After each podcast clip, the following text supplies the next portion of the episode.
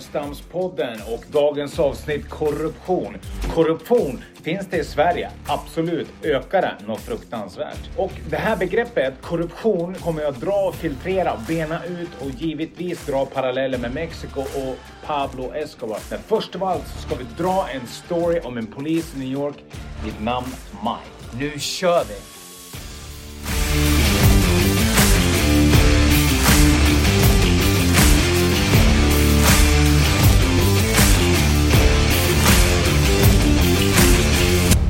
Välkommen till Gynnestams-podden och dagens avsnitt korruption. Jag ska dra en historia för er nu.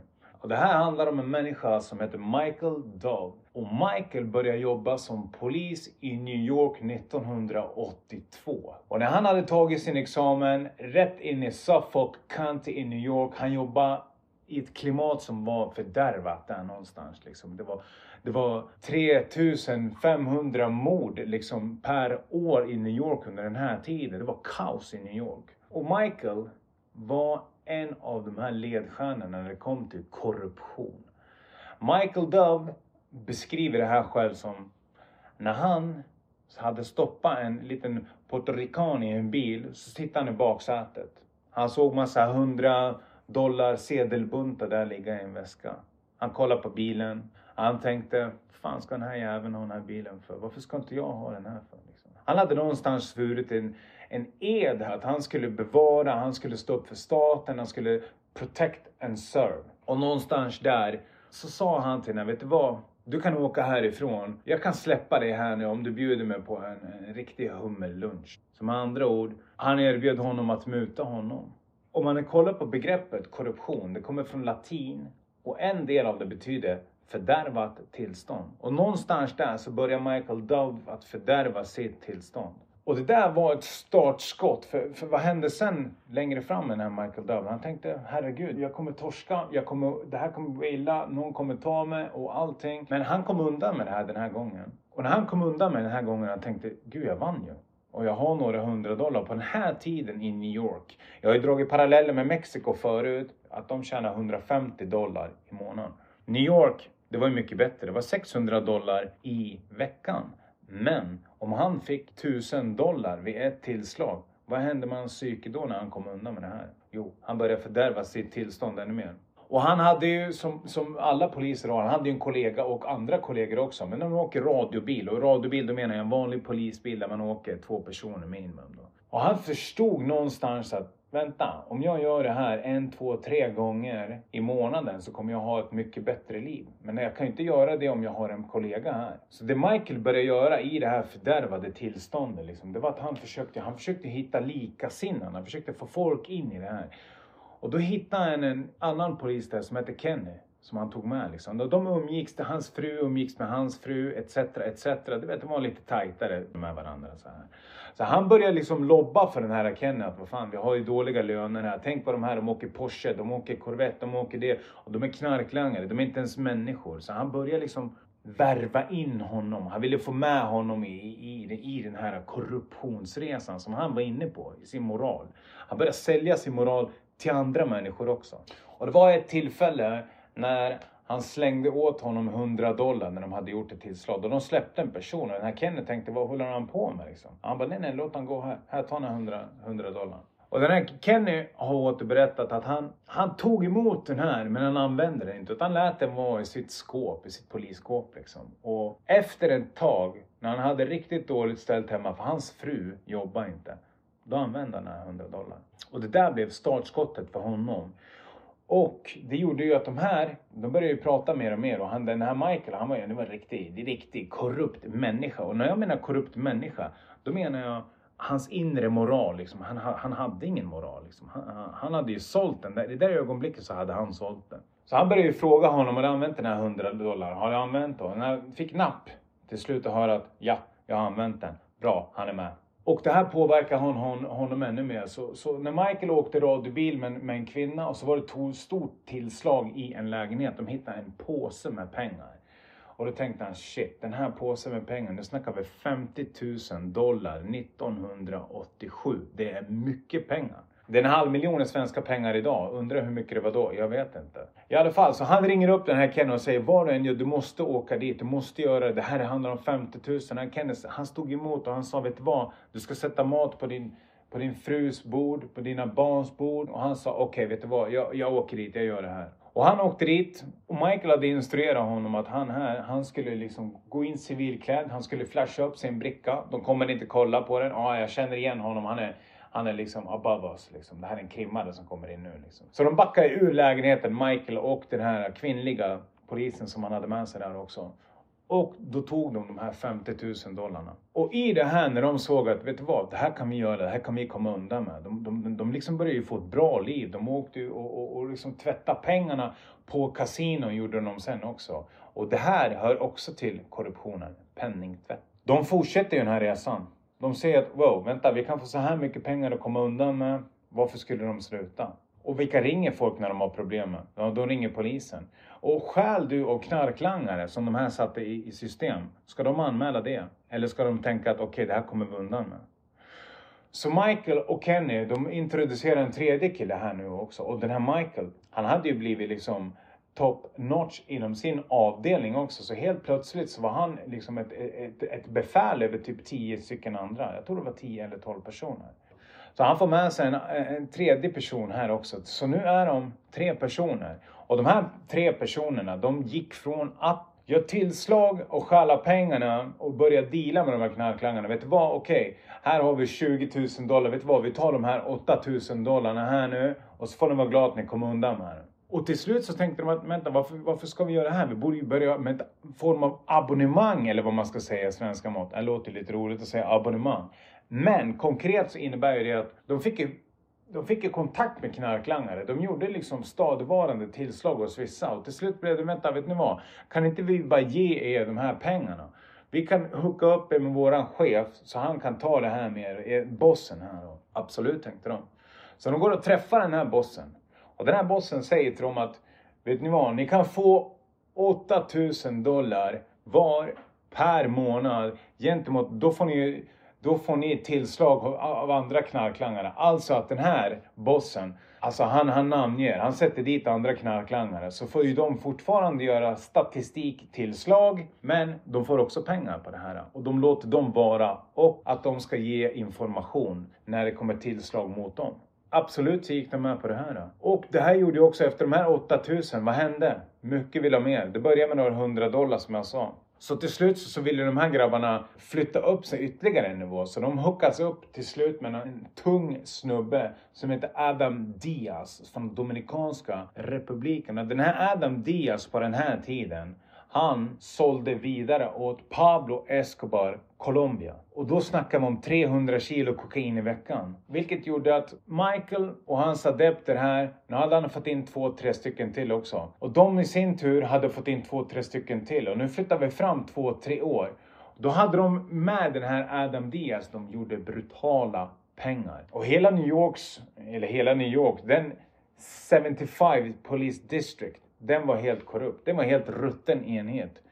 Och vad är det som händer någonstans när det blir korruption? Om man ska ta de här sidospåren. Om vi säger att du har 10-12 poliser i en enhet som endast är ute och gör kriminella saker. De, de har liksom span på ställen där de har fått tips om.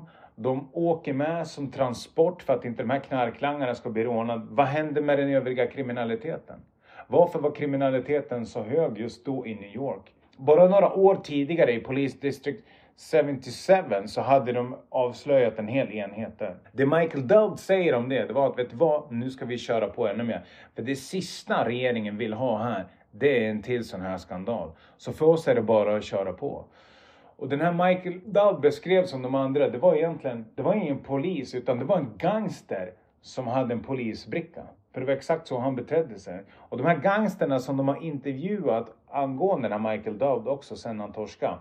De säger också då, vet du vad? Det där var en gangster. När vi såg de andra ögonen och tänkte, åh oh nej, det här är en polis. Den där personen kan innebära problem. Men aldrig när man har att göra med Michael. Och i det här fördärvade tillståndet när Michael fortsätter, liksom, han, han till slut börjar arrangera kupper. Han, han blev mer och mer liksom, gränslös i sitt förfarande. Han blev någonstans i sin egen tro oövervinnlig. Vad gjorde han?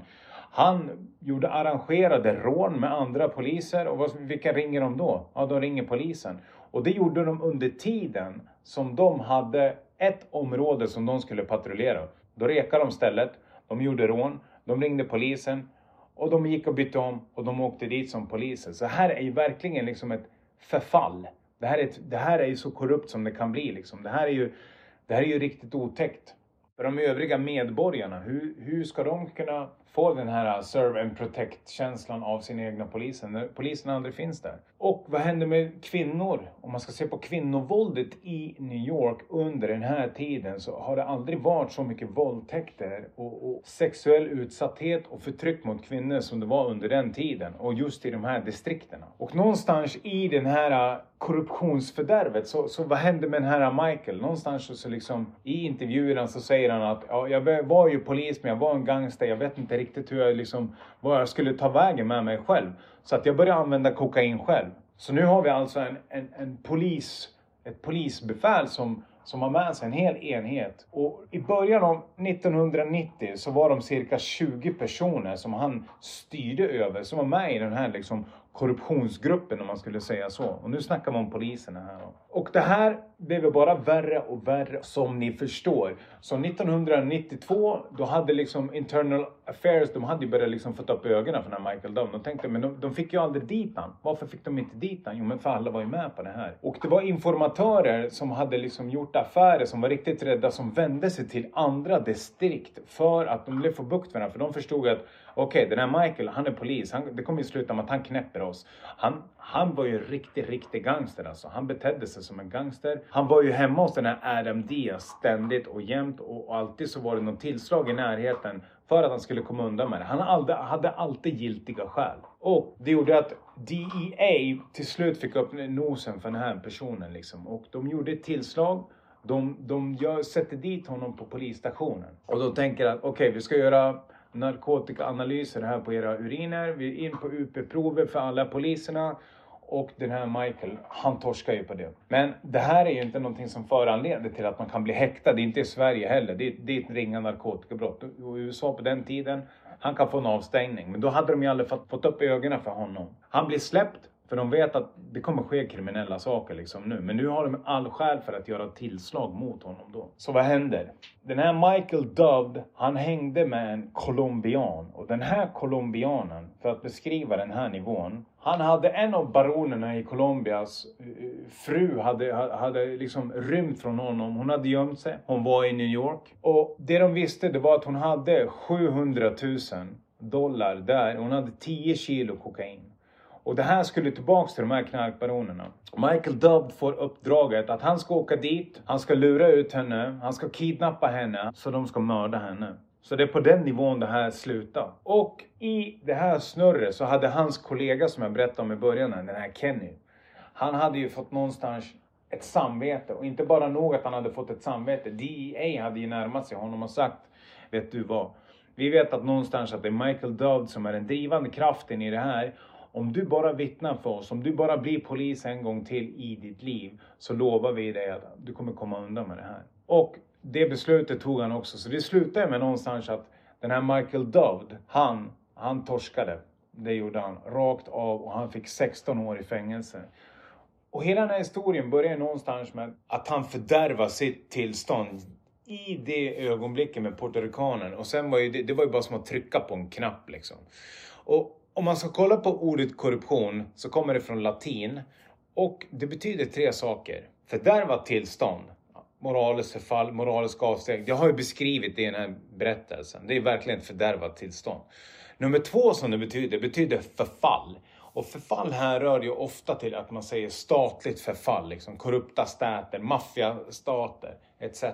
Och här har vi också att göra med ett förfall när han korrumperar en hel avdelning. Och ordet korruption betyder också bestickning. Och bestickning, om jag tar beskrivningen om det, så är det att korruption kan utföras ovanifrån. Och den är någon eller några i statens tjänst mutar personer utanför staten, exempel inom näringsliv, föreningsliv eller i det här fallet, sig själv underställd i staten, då är korruptionsbrottet bestickning. Och det var precis det den här Michael Dubb gjorde. Han drog in först den här Kenny, sen såg han se till att hela enheten var inne där liksom. Han manipulerade, alltså dels verbalt, moraliskt, men även alltså självklart med, med, med mutbrott neråt, som då är bestickning. Hoppas ni har fått en bra uppfattning om korruption nu, en resa igenom det här. Så ska vi gå till en kortare paus och sen ska vi fortsätta det här. Stay tuned!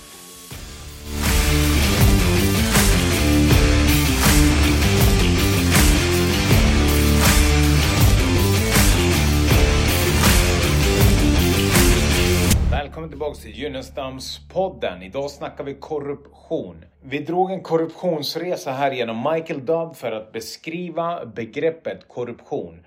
Och korruption, om man lyfter det en nivå också, så är det att den kan vara mer eller mindre politisk till sin natur också. Politisk korruption, om jag får säga hur det uttrycks. Det innebär att man stör den politiska ordningen, samhällsordning eller juridiska förfaranden för att kvarbli vid makten eller, notera, erhålla den eller, notera, skaffa sig rikedomar. Mannen Pablo Escobar som vi nämnde, han var ju verkligen en person som störde den politiska ordningen i Colombia. USA de ville få honom utlämnad till USA. Varför ville de få det? Jo, för de förstod någonstans att det här statliga förfallet, för att gå in på begreppet korruption, i Colombia, det är så omfattande. De, de, de sitter i klorna på den här Medellin-kartellen. Så att de kan inte göra någonting åt det här. De kommer inte göra någonting åt det här. Varför? Jo, Pablo Escobar hade infört väldigt lång tid begreppet plata och plomo. Med andra ord att antingen så får du pengar här nu som en muta eller så dödar vi dig enkelt. Så blev, det blev ju en form av påtvingad korruption som pågick i Colombia. Och det var ju inte bara så att USA stod med fingrar och tänkte så här, ja med era jävla lämna ut dem, varför gör ni ingenting åt det? Ja, när det kommer till fallet Pablo Escobar så, så om man kollar, han mördade justitieministern, han mördade den tilltänkta presidenten. Han gick så pass långt så att han sprängde upp ett plan där 104 passagerare dog. Varför? För att han skulle mörda en person. Presidenten var tanken, men han klev aldrig på det här planet. Så det Pablo Escobar gjorde, han, han bedrev ju en korruption på en helt ny nivå. Han hade en, en ofantlig makt. Och i hans makt och i hans förfarande i den här korruptionen så han mutar ju allihopa inom regeringen. Han mutade till sig en, en, plats i parlamentet. Ni hör ju alla hur det låter för er som inte visste den här historien. Och har du den makten så att du till och med kan komma in i parlamentet. Och varför vill han komma in i parlamentet? Jo, han ville störa den politiska ordningen. Han ville kvarbli vid makten, erhålla den eller skaffa sig rikedomar. Med andra ord, om han satte sig själv i parlamentet, då, då, finns, då kan han inte bli utlämnad. Det är parlamentarisk immunitet som ni förstår. Och vad kunde han göra då? Jo, men han kunde fortsätta att liksom projicera ut, sälja iväg liksom tonvis av kokain rätt in i USA. Men det här höll ju sig inte, utan, utan som historien förefaller så åkte han dit via ett foto där han hade blivit gripen för länge, länge, länge, länge sedan. Och det här var någonting som inte accepteras i, i den colombianska regeringen. Så vad händer då? De kastar ut honom i parlamentet och han börjar kriga mot staten. Snacka om att stöla samhällsordningen. Och det han gjorde då, det var att han satt skottpengar på poliserna i Colombia. Att de fick en viss summa för att bara mörda en polis. Och det behövde inte vara ett target så, utan bara det räckte med att han var en polis liksom. Och det är verkligen att störa hela samhällsordningen. Det här är en annan form av korruption. Korruption är ju väldigt, väldigt, väldigt mycket baserad på muter, på betalning och etc. Så han, han kunde leja liksom Sekarios på löpande band här, här, vet ni vad, ni får pengar, gå och mörda en polis, kom tillbaks, visa det, knäpp kort på dem, kom till mig. Så han ruckar ju samhällsordningen verkligen. Så folk vågar ju inte ens liksom bli poliser i det här läget. Och, och blev de poliser, ja men vad gjorde de då? Jo men de tog plata. De tog emot mutorna. De ville ju hellre leva. För han hade ju verkligen tydligt bevisat att han skiter totalt i vilka som dör, hur många som dör. Bara han får liksom sitta kvar och sälja sitt kokain här till, till USA om man ska gå vidare på det här med politisk korruption så finns det ett bra exempel när det kommer till Mexiko. Och en form av politisk korruption det är också riggade val. Som i, i fallet med Felix Angel Gallardo som jag tog upp i, i, i avsnittet om karteller. Gå in och lyssna på det om ni inte hört det så får ni hela bakgrundshistorien. En form av politisk korruption det är också riggade val och i det här fallet med han i Mexiko så såg ju han till att han skickade ut till Juarez, till Amado, till Sinaloa-kartellen där Chapo var, till, upp till Tijuana och runt i Guadalajara, bla bla. Alla stater där. Att de delstatsbossarna, de skulle se till att människorna röstade på ett parti här. Varför skulle de rösta på just det partiet? Jo, den här sakfrågan om utlämningar, den var också minst sagt högst aktuell i Mexiko. Så om det här partiet vann, då skulle de se till att okej, okay, vi röstar för er i den frågan, alltså vi röstar för er karteller i den frågan. Bara ni sponsrar oss med vad då? Politiska bidrag så vi kan bedriva kampanjer, betala löner, ha marknadsföring etc. etc. Och det gjorde ju också liksom att den här politiska korruptionen, den var ju på en annan nivå i Mexiko. Där hade ju ingen, varken Chapo som kom efteråt eller Gallardo hade någon liksom politisk ambition att sitta med i parlamentet som är Pablo Escobar. Utan där korrumperar de ju liksom i form av muter istället för bestickning om man skulle säga så. Självklart förekom det bestickning där också, men det var på en annan nivå. På tal om andra nivåer, så den högsta nivån av korruption, det är ändå när Ukrainas förra president, han tömmer allting som finns i deras banker, deras allmänna fonder. Han överför dem till privata konton och sen så sticker han och gömmer sig hos Putin i Ryssland. Det, det, någonstans kan jag uppleva att det är den högsta formen av grov korruption, statlig korruption. Och då, då är vi verkligen inne på maffiastat som man ofta pratar om när det gäller de här grabbarna Pablo Escobar och Chapo och Felix Gallardo. Nu har jag beskrivit för er vad politisk korruption är. Och om vi ska ta det här till Sverige nu när ni har fått eh, två stories här. Så hur svenska åklagare beskriver korruption, alltså i lagtexten, brottsbalken, så är korruption är ett samlingsbegrepp för att ge och ta emot en muta, trolöshet mot huvudman och att utnyttja sin ställning för att uppnå fördel för egen eller annan vinning. Och det här har vi fått ganska konkret beskrivet nu här. Det som kan vara lite luddigt i det här, ge och ta muta, fattar ni? Utnyttja sin ställning, absolut, det har vi hört. Men trolöshet mot huvudman, det, det, det, låter lite luddigt och så. Och det är konkret att en person som har fått förtroende, till exempel, att sköta ekonomiska eller rättsliga angelägenheter åt en person eller ett företag, och då är företaget huvudman. Att den här personen missbrukar sin ställning, alltså sitt förtroende, så att det är till skada för huvudmannen. Och för att konkretisera det här i ett exempel, det är ungefär som om vi säger att en revisor här, de sköter ju ekonomiska angelägenheter åt ett företag. Om vi säger att de då i, i årsredovisningen skulle redovisa andra resultat och kanske förskingra pengar emellan där, då, då, då är det ju en grov ekonomisk skada för huvudmannen. Det skulle väl vara ett bra exempel för att beskriva trolöshet mot huvudman. Och sen om vi drar det här vidare nu till Sverige. Förekommer det korruption i Sverige? Självklart så förekommer det korruption i Sverige. Är den svenska korruptionen som liksom är någonting som är på tapeten i Sverige? Absolut inte så mycket som det borde vara, kan jag tycka. Och om man ska kolla på Sverige, hur de ligger till runt om i världen, så ligger vi på en, en sjätte plats enligt Transparency International Index över korruption. Och det här är suveränt bra. Jag tänker en sjätte plats liksom över 180 länder, det, det är hur bra som helst. Men backar vi bara till 2020, där låg vi på en, på en tredje plats. Så jag menar, vi halkar ner tre placeringar på, på liksom bara två år. Och ska vi sätta det här i kontext till till exempel det dödliga skjutvåldet Ja, vi låg i botten av det dödliga skjutvåldet i hela Europa början på 2000-talet. Och vad hände sen? Sen ökade det kraftigt. 2018, då låg vi i topp. 2020 så hade vi 47 mord i Sverige. 2021 hade vi 45 mord och 2022 hade vi 64. Det bara stack upp.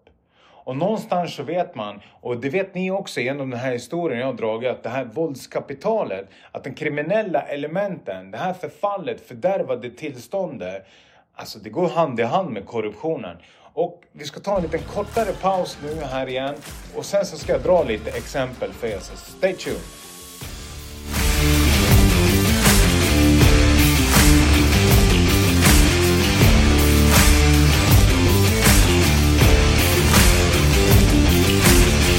Välkommen tillbaka till Gynnestams-podden. Eh, vi ska dra lite om Sverige nu. Och frågan om korruptionen i Sverige, dess utbredning, så är den är väldigt paradoxal den här bilden. På ena sidan så är vi fortfarande på den här positionen som en av de minst korrumperade länderna i världen. Där det är väldigt, väldigt få inom den offentliga sektorn som har blivit dömd för mutbrott. Och den offentliga sektorn, det hör ju till staten som ni alla vet. Och vidare så är det ytterst få personer i den svenska befolkningen som har blivit erbjuden muta också. Men å andra sidan så avslöjas det liksom skandaler liksom, och de här skandalerna har blivit mer och mer frekventa. Motala-skandalen 1995 om vi går tillbaka till den tiden, då, då var det höga politiker som finansierade krogbesök och eh, shopping med skattepengar. Sen, sen kom ju den här muthärvan som blev upphasad med Systembolaget 2003 då anställda mutades för att ta in vissa varusortimenter. Göteborgshärvan 2010 där tjänstemän skaffade sig fördelar från privata entreprenörer. De riggade upphandlingar vid Fastighetsverket som inkluderade både jäv och otillbörliga förmåner. Jäv, om jag ska förklara det för er, så innebär det att man känner någon som man har någon form av förhandling med. Och det, det, till exempel, för att göra det här väldigt konkret och enkelt. Om jag skulle vara i en tingsrättsförhandling och så sitter jag där och så har vi någon av nämndemännen eller domarna, någon där som har beslutsfattande rätt. Om den personen då skulle ha en, en, en relation till mig. Alltså, sen om det är en relation att de känner mig bra eller någon form av släkt eller någonting, då förekommer det jäv alltså. Samtidigt som vi har den här låga korruptionen i landet så förekommer flera svenska företag i internationella bötesligan för korruption. Och lyssna nu, två av dem kvalar in på den globala 10 i topplistan. Ericsson och Telia. Och enligt Louise Brown som tidigare var ordförande för just den här Transparency International men nu arbetar hon som antikorruptionsexpert så ser hon en allvarlig samhällstrend och hon säger så här. I Sverige har vi en markant ökning av olika typer av bedrägeribrott. Växande organiserad brottslighet. Det är väldigt viktigt att förstå att mutor och korruption är en del av det här. Och eh, det hon säger som svar på den här utvecklingen, vad den beror på. Så typiskt sett i Sverige har vi haft en hög tillit och man drar sig för att kontrollera och granska. Liksom att man, man förlitar förlita sig på att det lämnade uppgift, det stämmer liksom. Det, det, alltså man kan väl säga att vi är lite, lite blåögda, minst sagt, här uppe i Skandinavien. Och det var en antikorruptionsutredning som, som, som lags ner också. Den tidigare S-regeringen, och lyssna nu tillsatte i fjol en utredning om korruption och otillåten påverkan av offentlig verksamhet och näringsliv. Men då meddelade regeringen, då meddelade att nej men vet ni vad, vi lägger ner det här, vi skrotar det här också. Samtidigt så kan jag ju säga så här att Uppdrag granskning de avslöjar partier 2022 och bland annat då ska ju S som, som la ner den här då, L och M och SD också, för förslaget olika bulvanupplägg liksom. Alltså det vill säga att pengarna ges via en annan person för att hålla den riktiga givaren hemlig. Och ska man dra det här då, alltså varför ska man hålla den hemlig?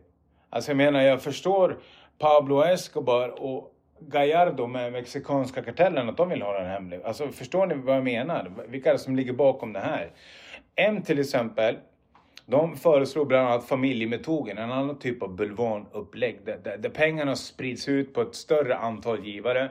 Även lotterimetoden där flera personer köpte ett stort antal lotter på autogiro varje månad. Och S har sedan länge och M har nyligen startat lotterier där det är möjligt att stödja partierna anonymt. Och det här kan man ju direkt säga att det är minst sagt skumt. Och korruption det är ju ofta ett, ett ord som förknippas med utvecklingsländer. Om du skulle fråga någon person på gatan så här, det, då skulle man ju säga att Sverige, det, det är inget korrupt land. Det, det, men den sena tidens avslöjande så är det nog väldigt många svenskar som har fått sig en tankeställare. Liksom. Dels den här skandalen som kanske inte alla har hört, hört talas om, men som har hänt. Och där de lägger ner utredningar. Och det är också stora avslöjanden om jäv, skandaler kopplat till upphandlingar, direkta mutbrott inom svenska företag. Och organisationer, de har duggat tätare de senaste åren. Och rapporten, den senaste rykande rapporten från februari, så visar att Sverige var sämst i Skandinavien. Och den här rapporten, den bekräftar också en, en kraftigt nedgående trend i Sverige, att Sverige har blivit mer och mer ett korrupt samhälle. Och de senaste årens rapporter om korruption i Sverige, de avlöser varandra i nyheterna. Och det är bara att spärra upp öronen egentligen. Den senaste skandalen det är det här Karolinska sjukhuset i Solna. Innan det Karolinska så var det Transportstyrelsen, styrelsen som hamnade i ruskigt blåsväder. Den här så kallade IT-skandalen. Innan Transportstyrelsen så var det Telia som hade mutat en diktatursfamilj i Uzbekistan. Muthärvan i Göteborgs kommun och försäljningen av svarta hyreskontrakt genom kommunala bostadsbolag. Alltså det har ändå vuxit upp mer och mer när det gäller Sverige och korruption. Och som jag sa tidigare och även som hon Lisa Brown säger, att det går hand i hand med den här organiserade brottsligheten. Och vad har Sverige sett med den trenden? Det gick ganska fort ändå. Jag menar från 2021 till det dödliga skjutvåldet 2022 så var det en ökning på 30 procent av morden. Om den här korruptionen utvecklas i den här takten då är vi verkligen ett land på glid. Och jag menar det här är någonstans någonting som är här på tapeten. Det här är någonting som, tro mig, kommer att utvecklas mer och mer med den organiserade brottsligheten. När den italienska maffian trängde in i USA så sa J. Edgar Hoover uttryckligen, och det här tar jag upp i avsnittet om organiserad brottslighet, att de här spaggarna, de här italienarna, de utgör inget problem. Vi har koll på det här. Vad hände där? Jo, men de kom in och de trängde in i landet. De byggde skyskraporna på Manhattan. De mutade sönder hela landet. Till slut ägde de typ New York, en världsmetropolen. Och någonstans så tänker jag så här, det låter kanske lite som skrämselpropaganda om man sätter det här i, i svensk kontext. Men hade någon kunnat förutsätta i början av 2000-talet att det dödliga skjutvåldet skulle vara högst i Sverige, i Europa?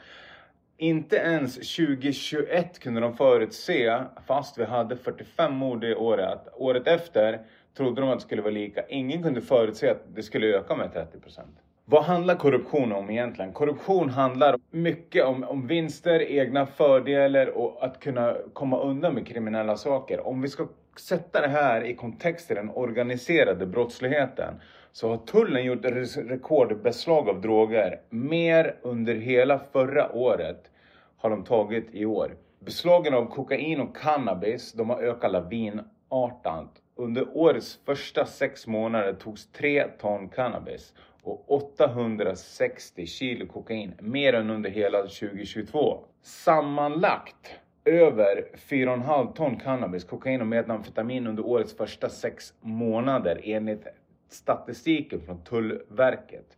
Om man ska jämföra det här så förra året då var, det, då var det 900 kilo cannabis och i, i år är det redan 3 ton. Och kokainbeslaget, notera det här nu, från 59 kilo till 862 kilo. Amfetamin från 240 till 530. Det, det, har ju liksom exploderat. Och vad är det som har exploderat då? Ja, det är ju den organiserade brottsligheten. I vilka länder har de mutat? Ja, men Mexiko och Colombia. Om man ska kolla, det är klart de har mutat i alla länder, men ni vet någonstans vart jag menar. Om man jämför med den, den, den största poolen. Om man sätter det här i kontext till att tar man in så här mycket droger, alltså att de tar dem i tullen, hur mycket är det som kommer undan då? Hur mycket har inte den här kriminella verksamheten, organiserade brottsligheten, hur mycket har inte den växt i Sverige? Vad handlar det dödliga skjutvåldet om? Liksom, är det bara kränkningar man mördar för? Det är klart att det är territorier. Det är klart att det är narkotikahandeln som ligger djupt involverad i det här. Och växer den här ekonomin, ja men då kommer plånböckerna växa. Plånböckerna växer, ja ni förstår ju själv. Det blir lättare att, att liksom accelerera och kanske närma sig någon på Tullverket eller någon statstjänsteman eller någon. Varför skulle man inte göra det i Sverige? Och varför skulle man absolut inte göra det i Sverige när det görs i andra länder? Och varför skulle inte ett land som Sverige med alla de internationella kontakterna den organiserade brottsligheten har här, varför skulle de inte närma sig? Det är frågan, varför skulle de inte göra det? Frågan är inte varför de skulle göra det. Varför de gör det? Självklart, kan de komma undan med de här mängderna, om vi säger att de kommer komma undan med 100 kilo kokain, det är extremt mycket pengar. Ja, men då är det värt en 50-100 000 i muta. Så någonstans så, så, så liksom allt det här, det, det är liksom samma element i samma lilla pöl Sverige. Och ska man kolla på Sverige och när det kommer till, till, till korruptionen och hur det har sett ut också. Ja men det är ju uppe på den här politiska nivån. Uppdrag granskning som jag nämnt i det här programmet. De har ju verkligen varit tydliga med att det var fem av åtta partier som använde sig av bulvaner, familjemetoden, lotterier. Ja, vad är det då som säger att inte de skulle ha någon sån här äh, hemlig givare? etc. Var kommer de där pengarna ifrån? Om man lägger ihop alla de här byggklossarna, och det kanske låter lite konspiratoriskt av mig också, men varför skulle det inte funka i Sverige med den organiserade brottsligheten som det har gjort i andra länder? Återigen, ingen hade kunnat förutsätta att det skulle se ut så här i Sverige. Och jag hoppas verkligen att ni har uppskattat det här poddavsnittet och jag hoppas att ni fortsätter dela och Kom ihåg att prenumerera så att ni inte missar uppdateringar, missar våra nya avsnitt. Och tack så mycket. Ha det gött. Hej.